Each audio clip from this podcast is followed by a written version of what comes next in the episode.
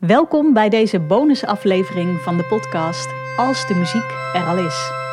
In dit eerste seizoen van de podcast interviewde Suzanne Lutke muzici met eigenzinnige opvattingen over de wondere wereld van de muziek en het onderwijs in muziek. In deze aflevering interview ik haar. Mijn naam is Wendelin Wouters. Mijn beroep? Goed. In drie woorden: dagvoorzitter, presentator, theatermaker. En jarenlang was ik ook hoofdeducatie bij een creatieve broedplaats. Altijd was ik op zoek naar gastdocenten om mijn team te inspireren. En één gast vroeg ik steeds opnieuw, omdat ze alsmaar nieuwe dingen bracht, hoofden en harten wakker maakte. Het is Suzanne Lutke. Haar beroep in drie woorden: onderwijskundige, muzikus, docent. De tijd verstreek en ik zocht het podium weer meer op. En mocht Suzanne podium geven toen ze haar nieuwste boek lanceerde. Want ja, ze is ook nog schrijver. Als de muziek er al is. Voor dat boek interviewde Suzanne talloze vakgenoten, maar zelf bleef ze stil. Het is de hoogste tijd om te luisteren naar haar repeterende gedachten, naar de melodieën in haar hoofd. Deze dag is het tijd om ze te oogsten. De gedachten van een vrouw in wie het altijd klinkt. Hey Suzanne, Ja. Wat klinkt er in je hoofd op dit moment? Oeh, die had ik moeten zien aankomen natuurlijk. Nou, ik zou zeggen, luister even. Ja, even denken hoor. Ja, ik loop, al de, ik loop echt al, de, al weken met eh, Nina Simone in mijn hoofd. Ehm, Doe eens. And I'm feeling good. It's a new day, it's a new dawn. It's a new life for me. And I'm feeling doom. Doom. Doom, doom, doom. Dat, ja, Dat klinkt. ja. Waarom past het op dit moment? Ja, dat weet ik niet zo heel goed. Het is een liedje wat... eh, ik vind het sowieso een heel fijn lied. Ik hou, en er zit een ontzettend gave baritonsax in. En eh, ik, aan, de, aan de ene kant gebeurt van alles nog wat in mijn leven... maar er zit een soort grondlaag in dat het, eh, dat het goed is. Dat, het, dat het heen gaat wat heen gaat. Ja, het klinkt wat filosofischer dan ik het bedoel, maar... Daar zit ik wel een beetje Je hebt in. richting. Ik heb richting. Of misschien juist wel. Ik ben eigenlijk heel doelgericht van mezelf. Heel erg taakbewust. Van, nou, hè, dan bedenk je dat ik een boek wil schrijven, ga ik dat doen. Ja. En misschien is het juist wel dat ik nu wat meer loslaat. En denk van, eh, dat heeft die coronacrisis zeker met mij gedaan. Hmm. Iets meer loslaten en vertrouwen hebben dat het wel dat het, dat het een kant op zal gaan of zo. Dus dat, het gekke is dat ik eigenlijk minder doelgericht ben. Ik heb absoluut eigenlijk gewoon veel te stilgelegen de afgelopen maanden. ja. Hmm, Maar het geeft me een, eh, ergens een basis van rust. Dus Je bent ondertussen een oude wijze vrouw geworden. Juist, niet vertellen. En je bent ehm, vier beroepen. Muzikus, onderwijskundige, docent, schrijver. Mhm. Wat ben je het meest? Ja, dat is altijd. eh, eh, ik weet dat ik dat of voor mijn LinkedIn-profiel hier eindeloos over gedacht heb. Mhm. Ehm, uiteindelijk heb ik me daar creatief denken genoemd. Maar daar ben ik eigenlijk ook niet. Want ik, ben, ik geloof niet dat ik nou per se een denker ben. Misschien ben ik wel meer een doener. Ehm, maar ik hou er wel heel erg van om het, om het tussen mijn hoofd en mijn hart heen en weer te blijven pingpongen. Waar ik het meest van aanga is gewoon muziek. Dus Eh, jouw, jouw beroep is muziek. Ja, want ik ben geen muzikus, geloof ik. Nee? Nee. Dat is wel, ja, muzikus vind ik ook... Dan ben ik nog eerder muzikant. Mhm. Dat is ook raar. Ja, bij muzikus heb ik zo'n beeld. En dat is... eh, is moeilijk, hè? Ja. On, ons soort mensen die dan een... eh, ja, want wat, wat vind jij? Want jij noemt jezelf ook allerlei dingen. Wat is dat voor Ja, ja, dat is natuurlijk ook eh, mezelf uitdagen om het een naam te geven. Ik heb mezelf recent ehm, momentregisseur genoemd. Oh, dat vind ik ook wel mooi. Maar niemand snapt wat ik dan doe.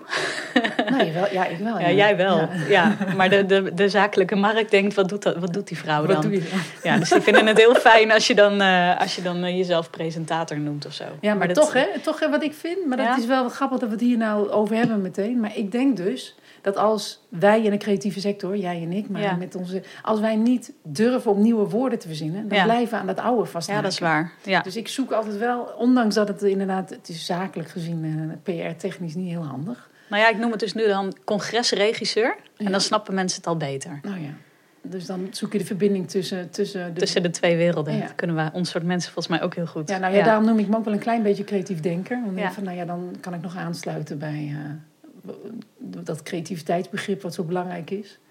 Maar ja, ja, ja het Maar ja, er is misschien niet te leren voor ons vak, niet echt. Je Nee. kunt niet echt naar de school van, voor ons soort mensen. Dus Nee. we moeten Nou ja, ons en- eigen vak uitvinden. Ja, en, en als, je, als je dan vraagt, wat voel je het meest?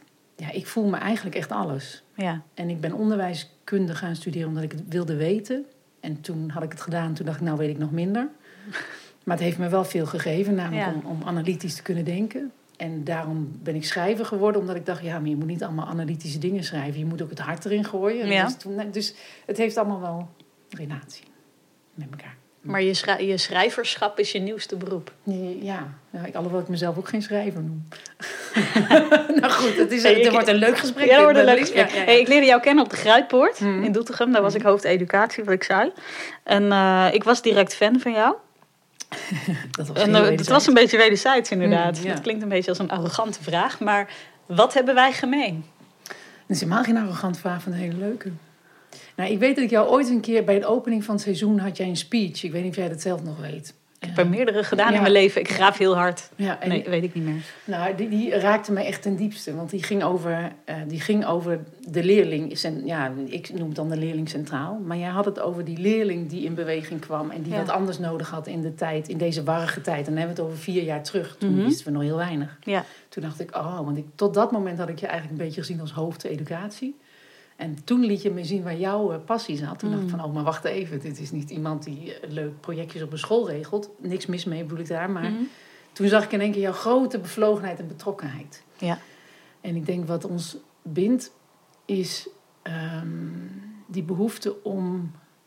eh, nou, behoefte is ook niet een goed woord, maar de, waar wij va- mensen aanzetten, zeg maar. Dus dat mensen wezenlijk van iets van wat binnenin hun zit aangaan. Ja. Dat zie ik jou op die podium ook doen. Als jij, als jij, toen jij mijn boekpresentatie Mhm. deed, dan neem je gewoon geen genoegen met de half lamme antwoorden. Het gaat altijd door. Net even die vraag waar mensen voorbij hun geëikte antwoord wat voorop lag. Ja. Jij stelt altijd de vraag waardoor die antwoorden daarna, daarachter komen. Dat is mooi gezegd. Ja, En daar word ik heel blij van. ja wat, wat, wat beweegt echt van Ja. binnen. Ja, of wat verwondert iemand. Ja. Ja. En het is heel makkelijk om eh, aan de buitenkant te zitten. Ja. Of hey, niet heel makkelijk, maar dat is wel makkelijker. En dan ziet het er nog steeds... Ja, dan zijn mensen compleet gelukkig. Maar Mhm. ik, ik word daar niet gelukkig van en jij ook niet. Daarom vind ik het leuk om met jou samen dingen te doen. En ook al is dat dan saxofoon... Nou ja, dat is eigenlijk heel leuk. Saxofoon spelen Ja, je de speelde sessie, laatst hoor. in een prachtige... Ja, inderdaad. nou, dat terzijde. hey, jouw boek. Ja. Dat, dat was een feestje. Daar mocht ik eh, bij zijn. Dat mocht ik met jou doen. Eh, dat was in januari. Mhm. Een paar maanden geleden inmiddels. Ja.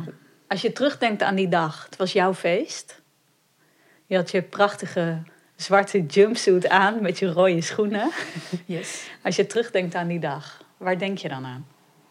Welke herinneringen zijn bijgebleven?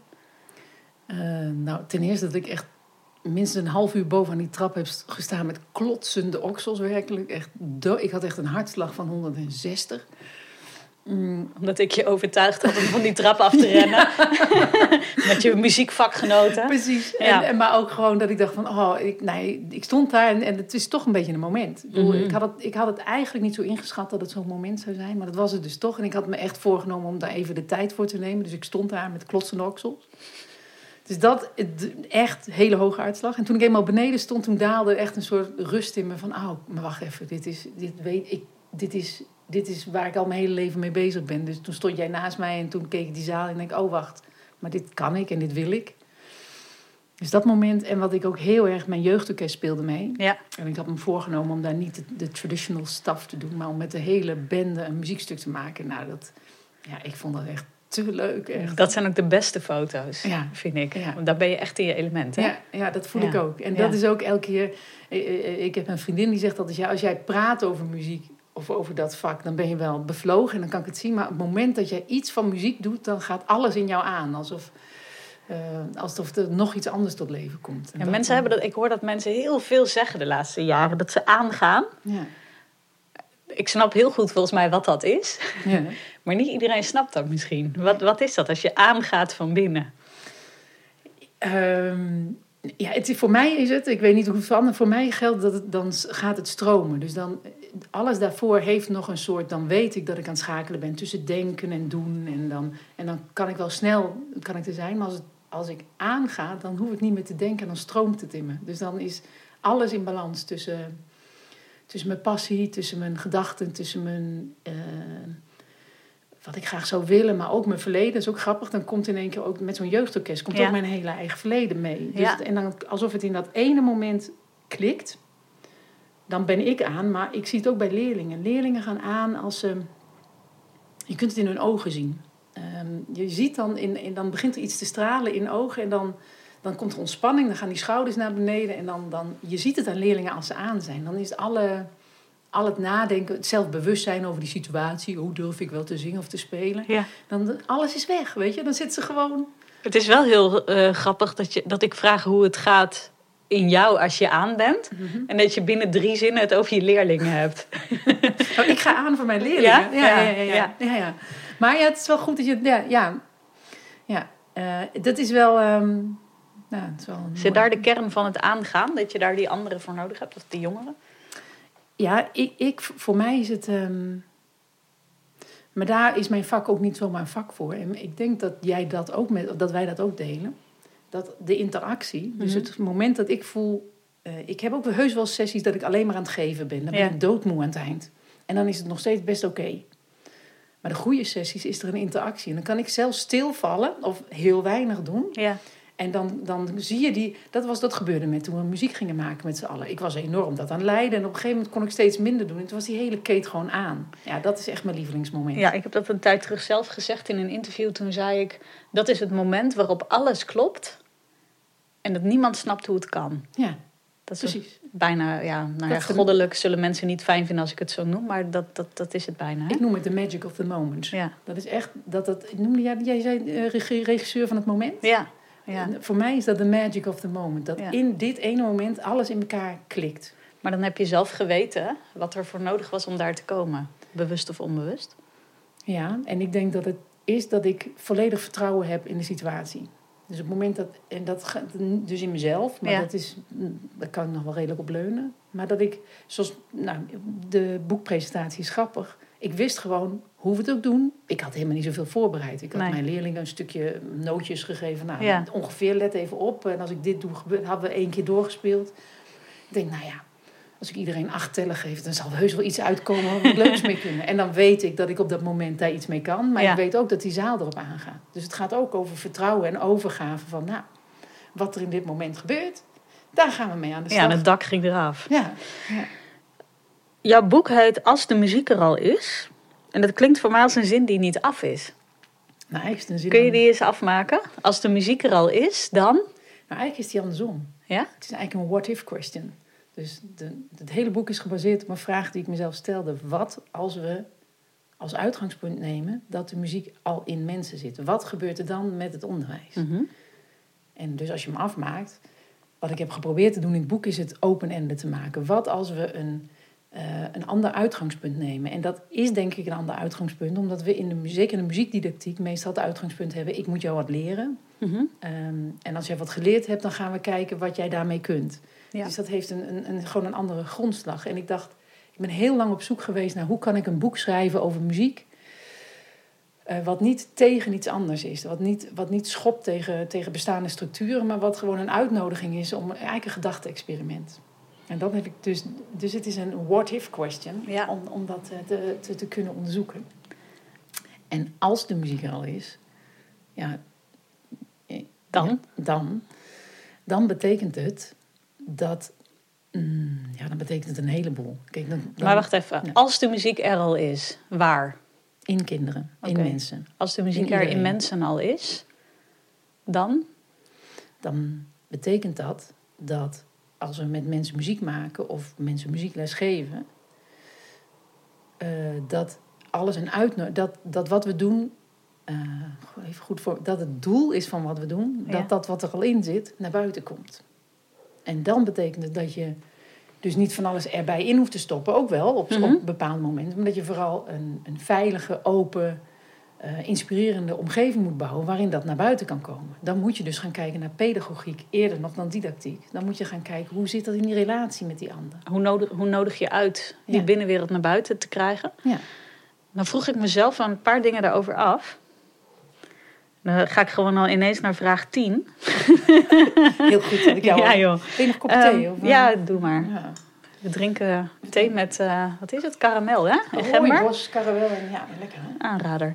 Ja. Um, Sorry, op je iPad. ja, als je, dus je zegt die binnenwereld, die, die is er. Daar zit muziek in, die moet naar buiten. Ja. Er zit een aanname in dat, de binnenwereld, dat iedereen een binnenwereld heeft. Ja, denk je niet?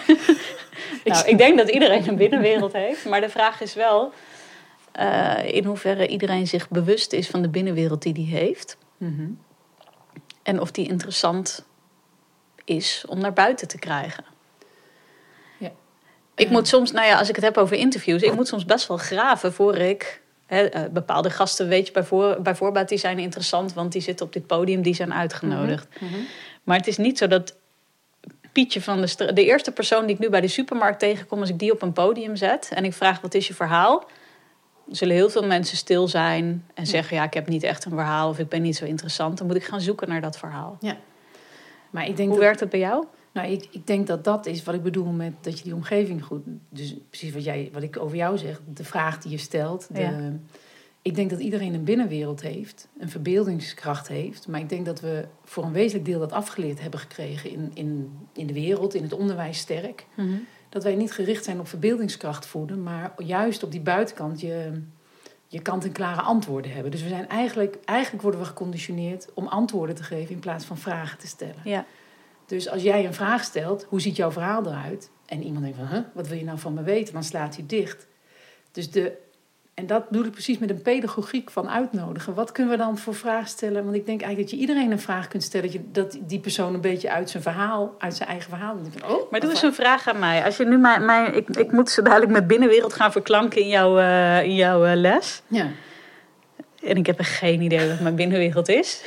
Wat, wat, wat ga je doen met ik, mij? Ik ga dat woord binnenwereld in ieder geval niet noemen. Hè? Dat, nee. is, uh, dat, dat is het eerste. Dus wat ik doe, is, ik heb het daar helemaal niet over. Ik geef je, zoals we deden met die boekpresentatie, ik geef je gewoon, en het liefst niet alleen, maar met een groepje, zodat je mhm. met andere mensen kunt sparren. Ik geef je acht tellen en zeg: kun je die acht tellen even invullen met iets wat je een tijdje kunt herhalen en waarvan je denkt, wat je allemaal met z'n vijven tegelijkertijd kunt doen. Dus maak er even maar dan kan ik meteen in vluchten, denk ik dan. Dan doe ik gewoon iets wat ik makkelijk vind of iets wat ik ken. Ja, precies. Nou, dat is prima. Of een, iemand anders in jouw groep zegt van... nee, maar dit hebben we al drie keer gedaan. We gaan wat anders doen, Wendelin. Dus die trek jou mee. En ik, mhm. ik kijk daarna, ik luister, ik zie... Ik denk van, zijn ze bezig met dat proces... of zijn ze, krijgen ze de ruzie over? Ja. Op het moment dat jullie gewoon daar een gesprek over hebben... dan laat ik dat lekker gaan. Mhm. En ik laat je die acht tellen invullen. En die acht tellen, die, die laat ik... Nou, ehm, ik, er zijn vijf groepen, die hebben allemaal acht tellen... en die laat ik dan horen. Of die laten dat aan elkaar horen. En dan, uh, dan, dan zeg jij van... ja, nou, dit kon ik eigenlijk al lang. Mhm. Dan zeg ik van, goh, maar waarom heb je dan niks anders gedaan? Ja, ik wist niks. Ik wist niks. Oké, nou ja, dan, dat is prima. Maar dan de volgende keer... Weet je, meestal... Wat ik, ik merk, deze krijg ik al bijna niet terug. Want als je hem opengooit, dan gaan... En als ik maar lang genoeg prutstijd geef, dan ga dan... Als jij, als jij al een kwartier lang aan het doen bent wat je al kunt... ga je gewoon wat anders doen, hoor. Al is het maar uit verveling. Ja. En dan wat ik er vervolgens doe, is die, die stukjes, die brokjes muziek... Die, die zet ik bij elkaar op een manier dat wat jij hebt gedaan in de context van al die andere stukjes in één keer gaat vliegen. Dat is mijn muzikantschap ook heel sterk. Het klinkt misschien wat vaag. Het gaat vliegen. Mijn ding gaat vliegen. Wat gebeurt er dan?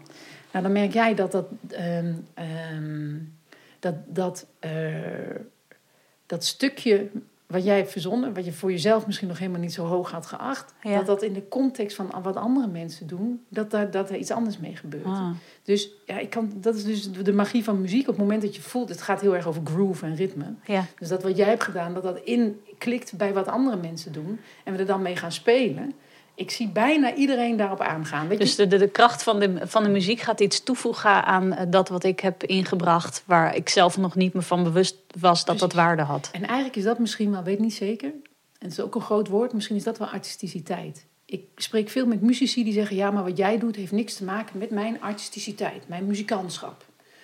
Want dat is alleen maar leuk gevreubel. Terwijl ik denk, juist wat ik doe met die kleine brokjes die mijn kinderen inbrengen, daar mhm. zit mijn artisticiteit. Want ik kan heel goed horen uh, dat uh, op, mijn, uh, op mijn boekpresentatie waar, was er een clubje die begon met een, een. Eigenlijk hadden die een citaat uit een ander liedje. Dat ja.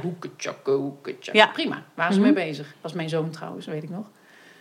Ik hoorde ze dat al doen en, en ik hoorde meteen dat ze daar heel steady in waren. Ik dacht, als we daar nou het uitgangspunt van nemen. En die andere groep had een heel lied gecomponeerd. Ik denk, maar die passen eigenlijk. Maar dat mhm. hoor ik allemaal. Dus omdat ik een muzikant ben ook, kan ik, kan ik dat allemaal horen en kan ik het bij elkaar brengen op een manier waar, als ik dat doe, dat jouw brokje muziek, dat je denkt van wow, maar dat wist ik niet. En als we dat dan de volgende week nog een keer doen, dan zul jij een ander brokje muziek doen, want dan weet jij meer. Dan heb jij de ervaring gehoord van een, eigenlijk een artistiek, artistieke, nou, hoe dat is om een onderdeel van zo'n muziekstuk te zijn. En dan ga ik terug naar die binnenwereld. Ja. Binnenwereld gaat voor mij ook over ehm, wat er in mij leeft. Stel, ik ben een kind en ik zit in een lastige situatie thuis omdat mijn ouders heel veel mot met elkaar hebben. Er wordt veel geruzied. Ja. Ehm, hoe, krijgt, hoe krijgt dat ergens een plek? Is dat ook, is dat, ga ik daar later als kind dan betekenis aan geven? Dat mijn acht tellen eigenlijk daarover ging? Of hoe werkt dat? Ja, zo concreet is dat is misschien wat ik ook mooi vind aan muziek. Dat muziek altijd een stuk eh, onverklaarbaar heeft. Hè? Dus, dus waar eh, nou, drama veel meer over woorden gaat, Ja. gaat muziek natuurlijk eigenlijk over wat niet met woorden te vatten is. Dus of het zo concreet is hè, en één op één. Maar wat ik denk wat er gebeurt op het moment dat ik dit met kinderen doe, dan realiseren ze zich dat ze überhaupt van binnen iets kunnen bedenken wat er niet is. Dus als we het hebben over die thuissituatie, het jezelf kunnen beschermen van binnen bij jezelf, bijvoorbeeld, of je iets kunnen voorstellen, een andere plek kunnen voorstellen dan waar je bent, hè, ehm, kunnen.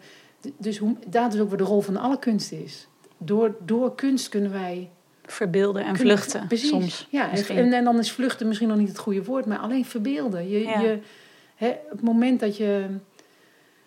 Nou ja, op het moment dat je iets anders kunt verbeelden. Die jonge mensen moeten een hoop shit gaan oplossen in onze wereld. Mhm. En zij, wij zitten vast in denkbeelden, maar zij kunnen misschien nog eh, andere dingen gaan verbeelden. Dus het is voor mij niet zo één op één. Tuurlijk kun je ook een liedje schrijven over je verdriet. Hè? Mhm. En dat is ook een manier. Maar dan wordt het bijna te concreet. Het gaat me er eerder over dat die, die kracht van muziek, wat eigenlijk niet in woorden is te vatten, Ja. dat je voelt dat je er onderdeel van bent. Dat je verbonden bent met, bij mijn boekpresentatie, 100 man. Had het niet verzonnen. Mhm. En toch voel je dat moment in elkaar krikken. Je komt samen in iets wat je niet kan beschrijven. Ja, de, Ja. De, de, de ongrijp, ik heb dat in een van mijn definities ooit de ongrijpbare schoonheid van Ja. muziek genoemd. Ik denk ook dat ons vak daar anders in is. Ik heb, ik heb veel muziektheatervoorstellingen Ja. gemaakt, dat weet je wel. En ik merk ook zelf, als ik nu voorstellingen maak waar ik niet met muziekmensen samenwerk, dat ik me echt totaal gehandicapt voel. Ja. Alsof, er, alsof de helft van, mijn- van mijn ledematen eraf gehakt is. Ja. Omdat mijn taal is die van, van woorden en hun taal is die van de muziek. Ja. Dus de, de onderstroom of de emotie, die vat je snel in muziek. Als je Ja. muziektheater maakt. Ja, dat- en het, is, het, en het gaat op alle niveaus. Hè. Dit Ja. kunnen we op een heel hoog niveau bij het concertgebouw. Je hoort Mhm. het direct als mensen in, die, in het muziek maken die laag pakken. Ja. Maar ik heb het hier op, op basisscholen in Eerbeek. Ik doe mijn blaasproject. Dan krijgen ze 15 lessen op een trompet en dan maken ze een muziekstuk mee. Nou, je kunt je voorstellen dat dat nog niet eh, eh, het eerste trompetconcert van Haydn is. Ehm, maar zij maken een muziekstuk en vervolgens leggen wij daar iets onder. Soms een groove, soms gewoon een, een, een, een strijker die een mooie, mooie melodie daar Mhm. tegenaan schrijft. En dan, dat verheft elkaar. Eh, en, daar, en je ziet dan, als je het over aangaan hebben met Ja. kinderen, je ziet het in hun ogen dat wat zij gemaakt hebben, als dat in één keer een, op een ander niveau geplaatst wordt, dan zie je ze van wow, heb ik dit gemaakt? Ja. En dat is volgens mij wel die verbeeldingskracht. Dan, dan weet je dat jij wat in huis hebt om iets te maken. En dat, ma- ja, dat gaat ook over makerschap. ja, Dus eh, ja, creëren, de magie daarvan. zeker. Dan zijn er mensen die zeggen van ja, leuk, dat boek van Suzanne, creatief allemaal. Hmm. Maar waar is de ambacht van ons vak? Ja, dat krijg ik vrij vaak terug. Ja, En ik probeer het altijd... Nou ja, ik heb me vrij fors te- tegen verdedigd. We hebben het er wel eens over gehad. Ja. Ik heb een soort... In mijn werk als, als eh, keynote spreker, le- eh, lezingengever, whatever. Hè? Als je een boek schrijft, dan kan dat in één keer allemaal. Heb ik een soort twee, twee soorten podia. Mhm. Het ene podium is van mensen die, die helemaal er, die er zelf op aangaan. Hè? Die, Ja. alle, die in die richting zitten. En die eh, pro-Suzanne, de pro-Suzanne-beweging. Precies. Ja. en, die, en die zijn vooral op zoek naar, en oké, te gek, maar hoe gaan we dat doen? Hè? Ja. En dan gaan we, hè, dan gaan we met z'n allen dingen verzinnen en dan gaan we dat doen. En, en, Werkvormen, bedoel je dan? Of? ja, werkvormen. eh, ehm, ehm, ehm, ik werk veel met ontwerpcanvassen. Dus dan Mhm. gaan we, gaan we oké, stel je voor dat dit zo is. Hè, Ja. Dat de muziek er al is. Hoe zou dan jouw muziekles er morgen uit kunnen zien? En dan gaan we gewoon prutsen. En dan komen alle dilemma's naar boven. Bijvoorbeeld, ja, maar ze moeten ook toch leren dat instrument spelen. Hoe doe ik dat dan in deze context? Ja. Maar dat is een hele andere vibe. Dan gaan we op zoek, dan worden het dilemma's. Waar, die natuurlijk heel, eh, die, eh, eh, heel, heel erg geschikt zijn, zeg maar. Of die geschikt zijn om het, om het mee te lopen. Dan zijn we eigenlijk een hele open, constructieve vibe. Ja, dat is jouw eh, comfortzone, dat soort types. Ja, en kan dan ik me zo voorstellen. Ja, en dan word ik, daar merk, dat begrijp je, daar, word, ga ik, daar ga ik dan weer op aan. Ja. Dat woord aan moet ook En, die, en die, die, tweede, die tweede groep? Ja, dat is een groep met ehm, mensen die zelf eh, vanuit de traditie zijn opgevoed. Wat ik overigens zelf ook ben. Ik ben Mhm. bij de fanfare ben Groot geworden. groot geworden. En ik heb klassiek saxofoon gestudeerd in Amsterdam. Dus ik weet heel goed waar het over gaat. Ehm, en die mensen voelen het als een aanval. Die voelen het als een aanval dat ik, hen, dat ik zeg dat zij het fout doen. En dat heb ik nooit, ik probeer dat niet te zeggen. En Je probeert het niet te zeggen, vind je het wel? Oh, dat, nou, je hebt, je, ehm, eigenlijk heel eerlijk, ja. Ja? Wat ik vind namelijk is, eh, is dat we in de muziekdidactiek, en dan heb ik het niet over mensen, maar over, over de didactiek zelf, Ja. dat we echt niet genoeg hebben gekeken naar wat we weten over ontwikkeling in deze tijd. Want we zitten nog heel erg op die volgorde. Mhm. Van je moet het eerst ambachtelijk kunnen. En je kunt het pas ambachtelijk als iemand die het goed kan het jou laat zien. Dan zitten we dus echt in een master-gezel Mhm. eh, eh, verhouding. Zoals we het hebben over, eh, nou, over een hele lange tijd terug. Zoals je vroeger leerde schoenlappen. En hè, dat leerde je van iemand die het kon. ja.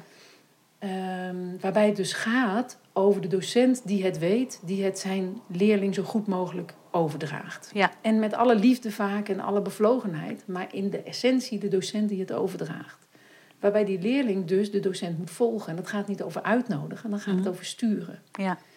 En ik kom vaak terecht bij ehm, eh, muziekorganisaties, muziekscholen, waarbij er steeds minder leerlingen komen, eh, er steeds minder geld is. Ehm, en dan moeten de groepslessen gegeven worden. En dan krijgen ze steeds minder leerlingen. En dan, Mhm. dan kom ik een club docenten tegen met pijn in hun hart. Want waar zij in geloven, ja, dat, dat, dat verwatert. Een directie die vaak wat anders wil. En dan wat, de valkuil waar ik in, in kom vaak is dan... de directie nodigt mij dan uit om een inspiratieverhaal te vertellen. Maar Ja. eigenlijk kom ik daar dan om te vertellen dat het anders moet. En sta ik dus... Jij bent de directeur geworden. Nou ja, en dan sta ik eigenlijk voor de schiettent. Want dan Ja. zitten daar 60 docenten die denken... oh, jij moet, we moeten zeker wat anders. En dan... eh, terwijl ik echt denk dat mijn verhaal niet zo plat is. Ik denk echt dat het anders moet. Maar ik denk dat het, we een verbinding moeten leggen tussen... wat we weten uit de traditie Ja. van muziekonderwijs... en wat we nu weten over leren ontwikkelen... en motivatie van leerlingen. En als je die dingen aan elkaar verbindt... kun je het beide doen. Natuurlijk. Maar je, dus je zegt, die ambacht volgt het proces. Die volgt de creativiteit. In plaats van je kunt pas iets gaan doen. Ja, nou, wat ik eigenlijk zeg is, als, je, als mensen niet gemotiveerd zijn, leren ze niet. Nee. Punt. Heel makkelijk. En jonge mensen tegenwoordig raken, sommigen wel, een kleine top raakt gemotiveerd van de traditie van muziekonderwijs. Eh, maar dat is maar een heel dun laagje. En die, dat hele dunne laagje heeft eigenlijk de muziekwereld niet nodig, want die zitten al zelf bij Mhm. allerlei experts. Ja. Maar die hele laag eronder, die 90% die met, waar we het over hebben met meer muziek in de klas, waar we het over hebben als we het over klasprojecten hebben, die hebben wat anders nodig. Die, En is, is de mensheid veranderd? Zijn de kinderen van nu veranderd?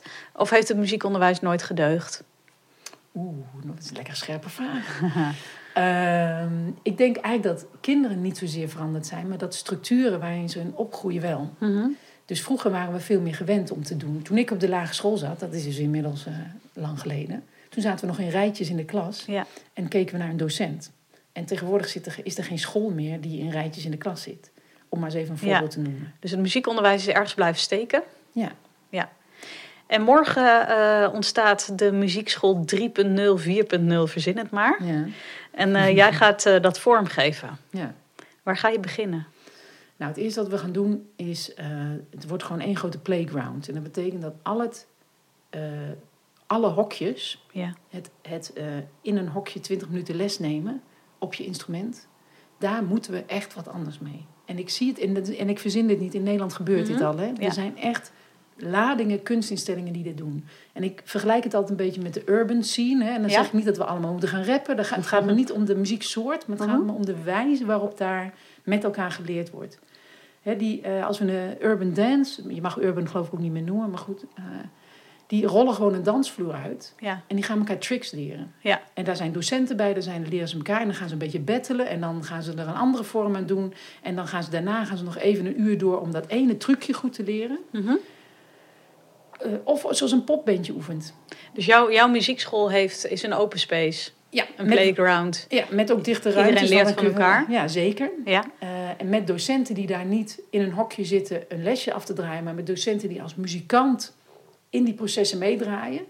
En die ehm, op het moment dat, er, dat de behoefte komt, wat het gegarandeerd komt. Als wij dat schoolproject hier doen, zijn er altijd vijf leerlingen die Ja. zeggen: Maar nu wil ik echt leren trompet spelen. Ja, want eh, nu eh, heb ik die drie eh, noten die ik zelf ontdekt heb, dat lukt wel. Ja, maar nou Ja. wil ik het echt leren. Mhm. En dat moment kan die docent dan zeggen: van, Kom op, dan gaan we het even doen met z'n allen. ja. Er is een, volgens mij een pianoschool er- ergens in Rotterdam waar dit zo is. Dus heeft een, een, do- een pianodocent heeft gewoon tien piano's in een ruimte gezet. En ladingen, eh, leerlingen komen daar gewoon na schooltijd spelen. En hij is daar. En als er vragen komen, gaat hij met die leerlingen aan de slag. Wat voor een... ehm, dat klinkt mooi, hè? Hm. Toch kan ik me voorstellen, eh, bij die eh pianoleraar met die tien piano's... dat je daar niet elke willekeurige pianoleraar had moeten neerzetten. Dan was er niet altijd dit gebeurd. Nee. Dus wat is de magic factor van zo'n docent? Ja, ik- en ik denk dat je hier precies op het pijnpunt komt. Ehm, Ze bestaan niet. Nou, kijk, ja, de- de- ik wil ook de conservatoria niet afvallen. Maar ze heten niet helemaal voor niks conservatoria, zeg maar. Klinkt als conservatief. Nou ja, wij conserveren de muziek van weleer. Maar niet Ja. alleen de muziek van weleer, ook de wijze van overdracht Mhm. van weleer. Dus wat je nodig hebt, is niet alleen ehm, eh, mensen die weten hoe je, goed je, hoe je een instrument moet leren bespelen. Dus Mhm. dat is eigenlijk, zou je kunnen zeggen, is de didactiek. hè. Ik weet Ja. heel goed wat je nodig hebt om een saxofoon Ambacht. te leren. Ambacht. Maar je hebt pedagogen nodig. Mensen die, ehm, die het in zich hebben om echt naar leerlingen te kijken en te kijken... wat heb jij van mij nodig om de volgende stap te zetten? Niet Ja. hoe kan ik jou in de volgende stap duwen... maar hoe kan, wat, wat kan ik jou aanbieden dat je een stap verder maakt? Moet ik dat doen? Moet ik jou even met, met iemand anders achter Mhm. de piano zetten? Eh, is, zit het in het materiaal wat ik je aanbied? Moet ik je vooral even met rust laten?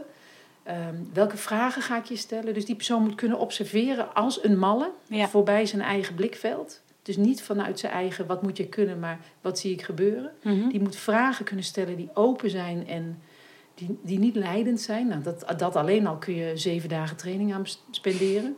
Die moet Ben je voor verstand- in te huren? Ja. Nog een beroep? Ja hoor, trainer Ja hoor, kom nog. maar Ja. hoor. Ja, ja. Training geven we ook nog. Eh, die moet ehm, eh, verstand hebben van groepsdynamiek, groepsprocessen. Eh, vertrouwen hebben in dat iedereen, nou ja, iedereen muziek al in zich heeft. Ehm, Maar zijn er misschien mensen die van plan waren muziekdocent te worden... Mhm. en dan horen ze dit... en dan denken ze, oh my god, waar, blijft die, waar is die muziek gebleven? Ja, nou ja, voor mij, ik heb voor mij begint hier de muziek namelijk. Want nu ga ik niet alleen maar mijn muziek geven, maar nu ga ik echt luisteren naar alle stemmen in mijn, in mijn praktijk. Mhm. hè?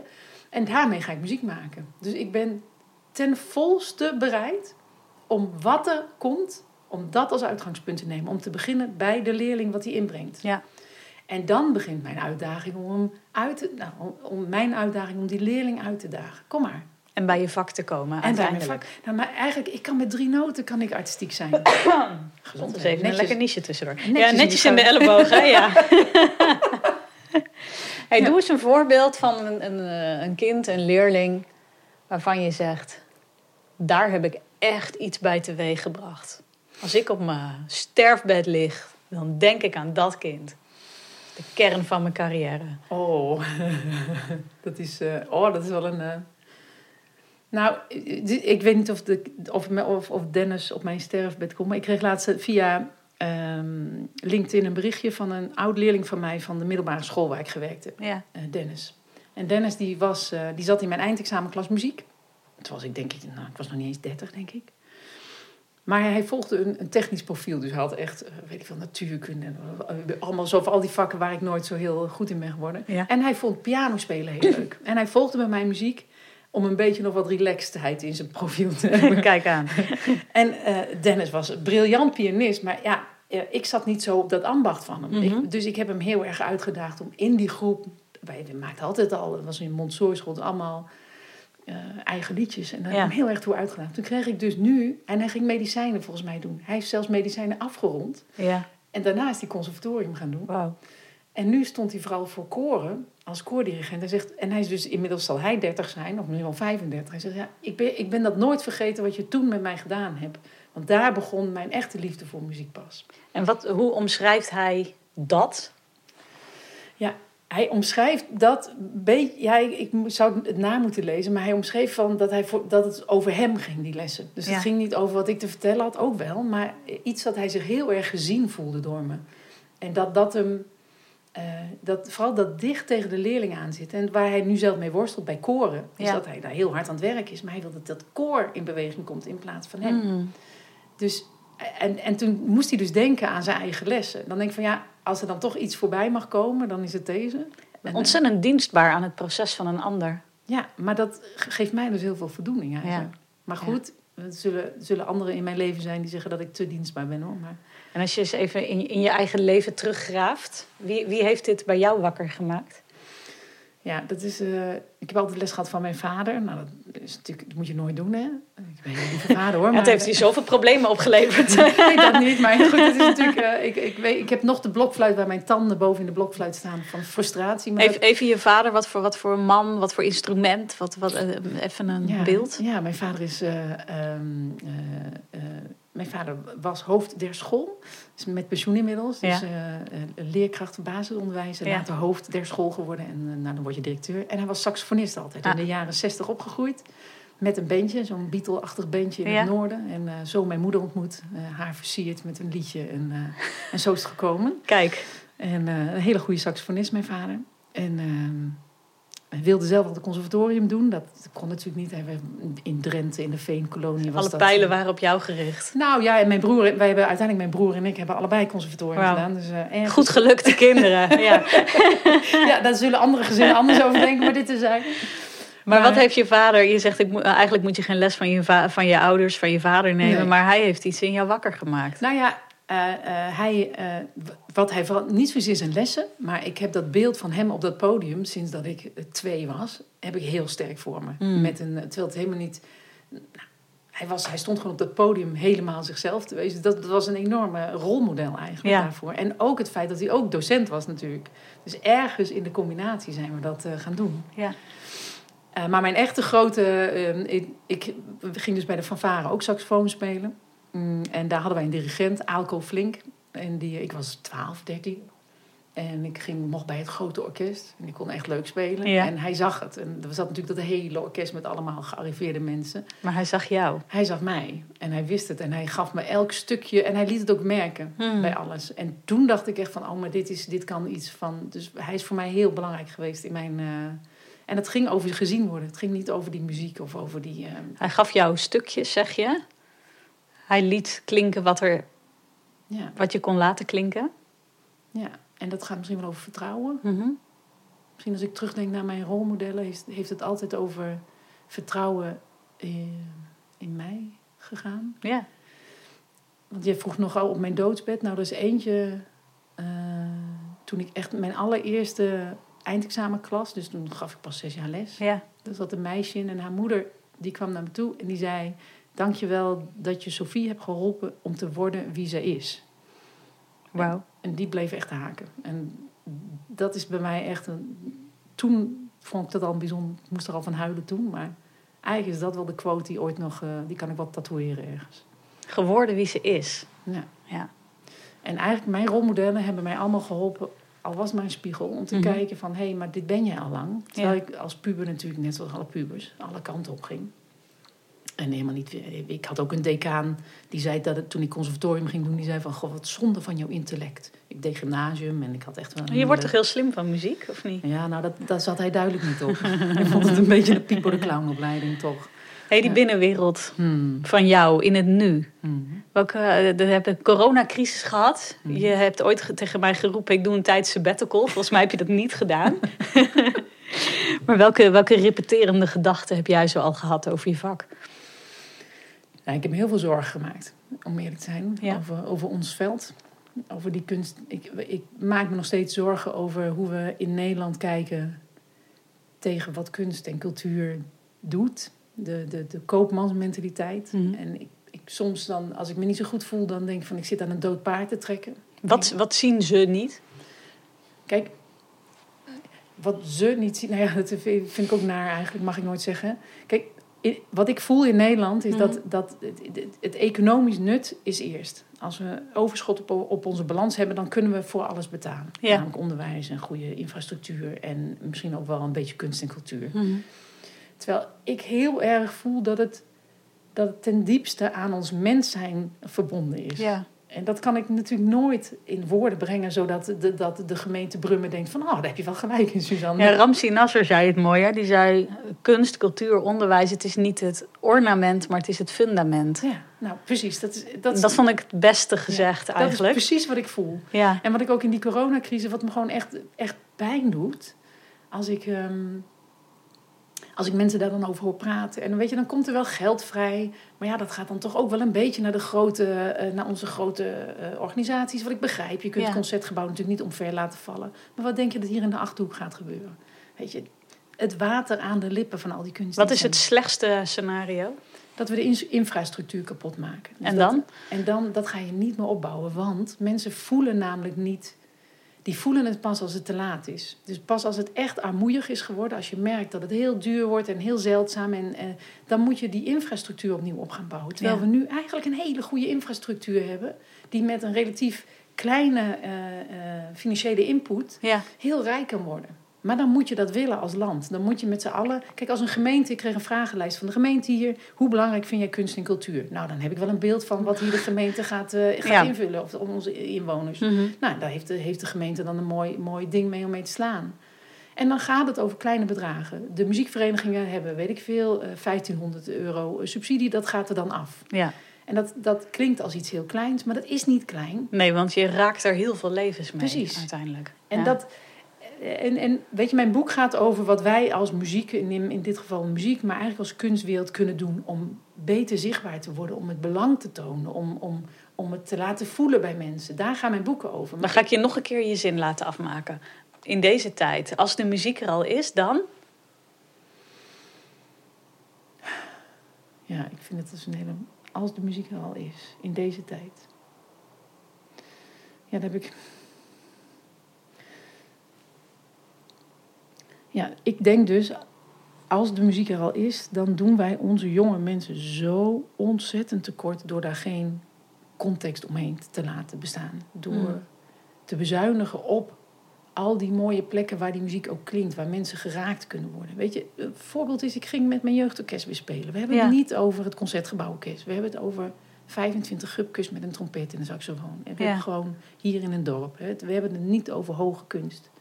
We hadden drie maanden niet gespeeld. Want het mocht niet. En we mochten uiteindelijk weer op anderhalve meter van elkaar. Dus we zaten bij elkaar. En we speelden echt gewoon... Ik, ik zette... Ik, nou ja, we begonnen. En, Ja. en wat er dan gebeurt als je live muziek hoort... Ik had meteen echt dik tranen in mijn ogen. Maar ik merkte het aan iedereen. Het gevoel van... Oh, wacht even. Dat je live muziek hoort ergens. Er is weer zuurstof. Er is weer zuurstof in die Ja. samenleving. En dat voel je pas op het moment dat het, dat je, dat het er weer is. Een beetje Mhm. zoals soms heb je in, in de film zo'n bas, weet je wel, die, Ja. die zo onder een, een, een... Als je dat weghaalt, hoor je hem. Ja. Dus als de muziek er al is in mensen, dan... dan of in onze, we moeten het tot klinken brengen, brengen, want we gaan het niet direct missen. Maar we, we maken er zo'n armoeige zooi van met z'n allen. En jij kan dat zo goed zeggen. Hmm. Je hebt er boeken over geschreven. En er zijn mensen die zien jou als een halve goeroe. Mag ik wel zeggen, heb ik even geluk dat ik daarmee mag praten vandaag. Nu zitten we in jouw prachtige werkruimte in Eerbeek. Hmm. En dan denk ik, blijf je daar zitten of ga je de barricade op? Wat ga, wat ga jij doen om dit land te redden? Ja, ik heb me eigenlijk voorgenomen dat, dat, dat niet te doen. Ik probeer, nou, het is misschien een beetje, ik probeer dat al heel. Ik, dit, is een, eh, dit is een gewetensvraag. Hmm.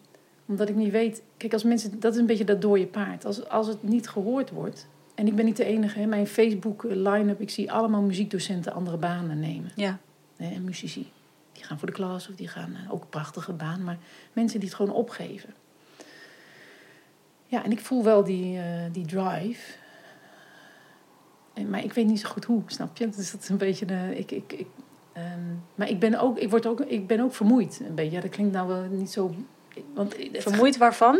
van, van, de, van het feit dat ik, eh, ik... Ik word volgend jaar 50 en ik heb al... ehm, ik heb wat ik nu zie gebeuren met die corona is dat, dat het een economische crisis teweeg brengt en dat dat wederom aan de kunst en cultuur gaat, ehm, gaat gaven. En dat Ja. is de derde of vierde keer in mijn werkzame leven dat ik dat zie gebeuren. Dan denk ik van wat, ga ik, wat kan ik dan anders doen hè, om, om, het, eh, om het in het licht te zetten. Eh, en, en dus misschien is het wel zo dat het eerst nog armoediger moet worden en nog kaler moet worden voordat mensen zeggen van maar dat willen we eigenlijk helemaal niet. Maar je hebt al, je hebt al zoveel gedaan. Hè? Je hebt boeken geschreven, je hebt de koningin toegesproken Ja, recent. Ja, dat is ook grappig trouwens. Ja. Ik heb er ook een boek gestuurd. Dus, eh, En, wat zei ze? nou, het is een heel, ik heb, ik kreeg een hele formele brief Oh, met, het- met gevoelens van de meeste hoogachting dat ze er, eh, me bedankte. Dus dat is heel leuk. Kijk, en eigenlijk vind ik daar ook wat van. Ik vind het superleuk dat ik met haar mocht praten. Ja. Mm, En het helpt dus enorm om dat in het licht te zetten.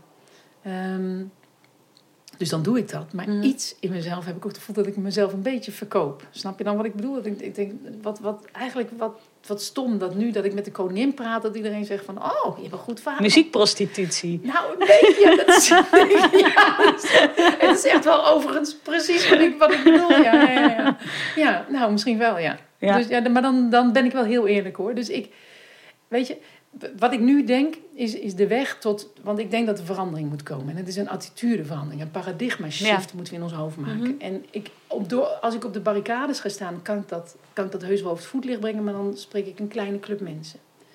Dus waar ik nu een beetje over na heb gedacht, is kan ik veel meer in organisaties gaan staan en een, en een, en een, een soort van thought leader worden. Dus niet zozeer onderdeel van de organisaties Mhm. worden, maar ernaast gaan staan en in een soort vrije rol kunnen blijven vertellen: jongens, maar kijk daar eens heen. Of kijk eens naar die kant, of kijk die kant. Dus je, je gaat eh, infiltreren.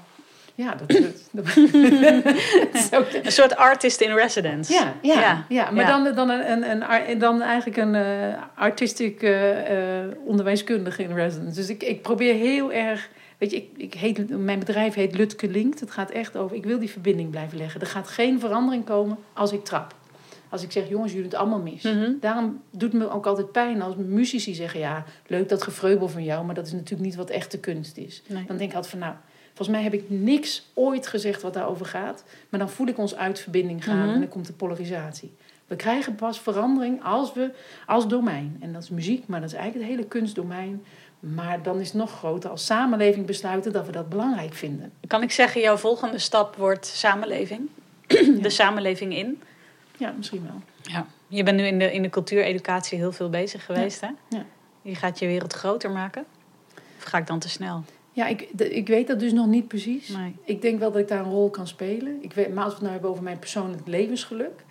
ehm, ik ben het beste. ehm, weet je, ik heb me ook ooit voorgenomen om daar te gaan waar het al stroomt. Ja. Want als het al stroomt, dan kan ik die stroom kan ik een fikse versnelling inzetten. Mhm. En dan kunnen we bouwen. En ik denk dat daar waar het stroomt, kan als een soort katalysator gaan dienen voor plekken waar het eh, nog meer tot stilstand is. Ja. Waar stroomt het? Nou, er zijn, er zijn eigenlijk, ik zie ehm, eh, in de marge van de dingen zie ik een heleboel eh, kunstenaars eigenlijk al die verbinding leggen met de samenleving. En met, met behoud van eigenheid. Dus die verkopen niet hun ziel aan Nee. het creatieve proces van, Mhm. een, van een, een grote multinational. Maar die blijven met eigenheid staan in processen. Ja. Ik denk dat daar zie ik heel veel, eh, heel veel goeds in. En ik denk dat we in, in dat onderwijs echt moeten blijven werken als we daar een structurele plek kunnen krijgen. Niet als kunstvakje erbij, maar als, Mhm. ook als een fundament van het onderwijs. Cultuuronderwijs als fundament eigenlijk.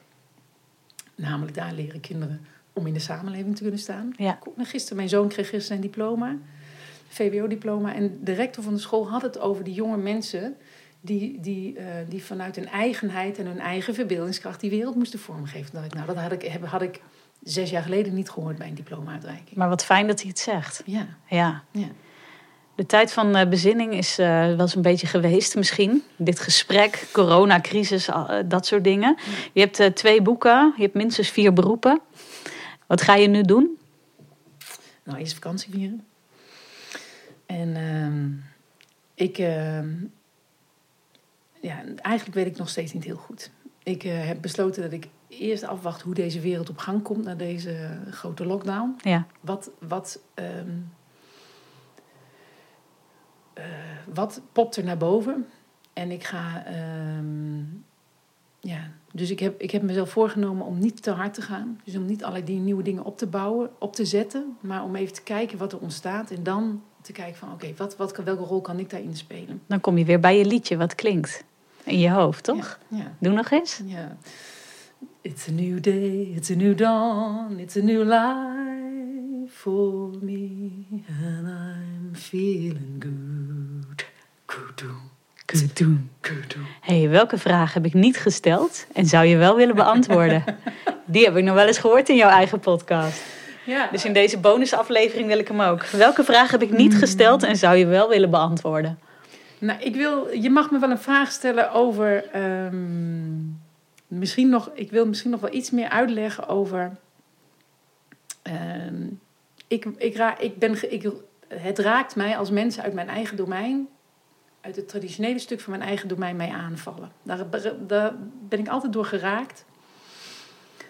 Eh, omdat ik me niet gezien voel door ze eigenlijk. Misschien is dat meer mijn persoonlijke. Oké, dan ga ik je vragen. Ik denk, ik denk iedereen, eh, ja, ze zeggen hoge bomen vangen veel wind. Je mag best een hoge boom jezelf noemen, Hmm. zou ik zo zeggen nu. Hmm. Maar wat raakt jou dan zo? Ehm, wat me raakt is ehm, twee dingen, denk ik.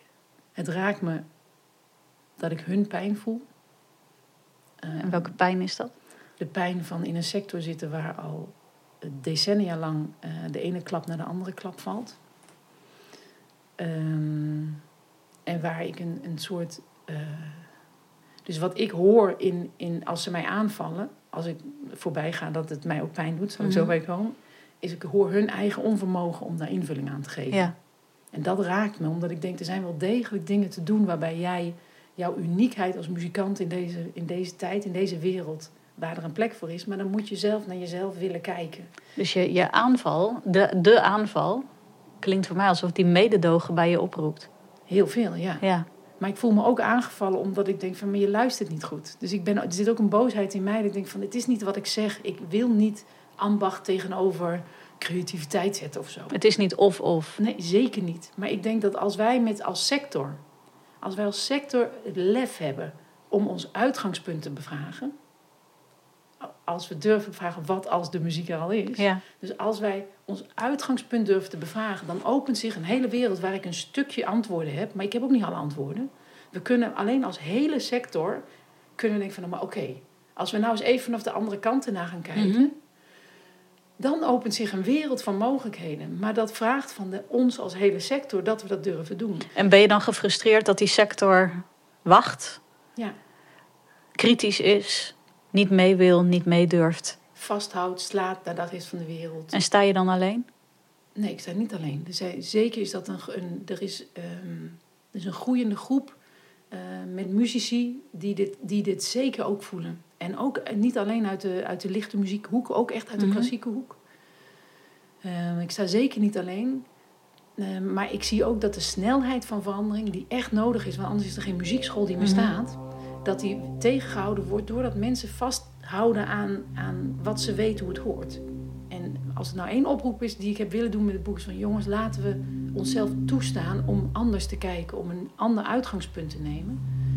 Want dat ene stuk weten we al lang. Maar vanuit dat nieuwe uitgangspunt kunnen we opnieuw onszelf definiëren. Met behoud van waar we in geloven, maar met een open kop naar de mogelijkheden die deze tijd ons biedt.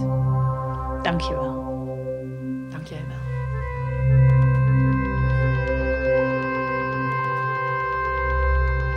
Je luistert naar de podcast van Suzanne Lutke. Suzanne Lutke is saxofonist, muziekdocent en onderwijskundige. Ze heeft een eigen trainingsadviesbureau voor de kunst- en cultuursector en het onderwijs. Deze podcast is gebaseerd op de interviews en gesprekken die Suzanne voerde voor haar nieuwe boek Als de muziek er al is. In dit boek daagt ze muzici en muziekdocenten uit om een ander perspectief in te nemen. Wat gebeurt er als we er niet meer van uitgaan dat de docent de leerling muziek moet leren maken, maar dat de docent de leerling uitdaagt zichzelf muzikaal te ontwikkelen? Wat als de muziek er al is in onze leerlingen? Suzanne nodigt je uit om nieuwe vergezichten te verkennen. Haar boek is nu te koop bij de boekhandel. Deze podcast is geproduceerd door Suzanne Lutke en Mirna Attia.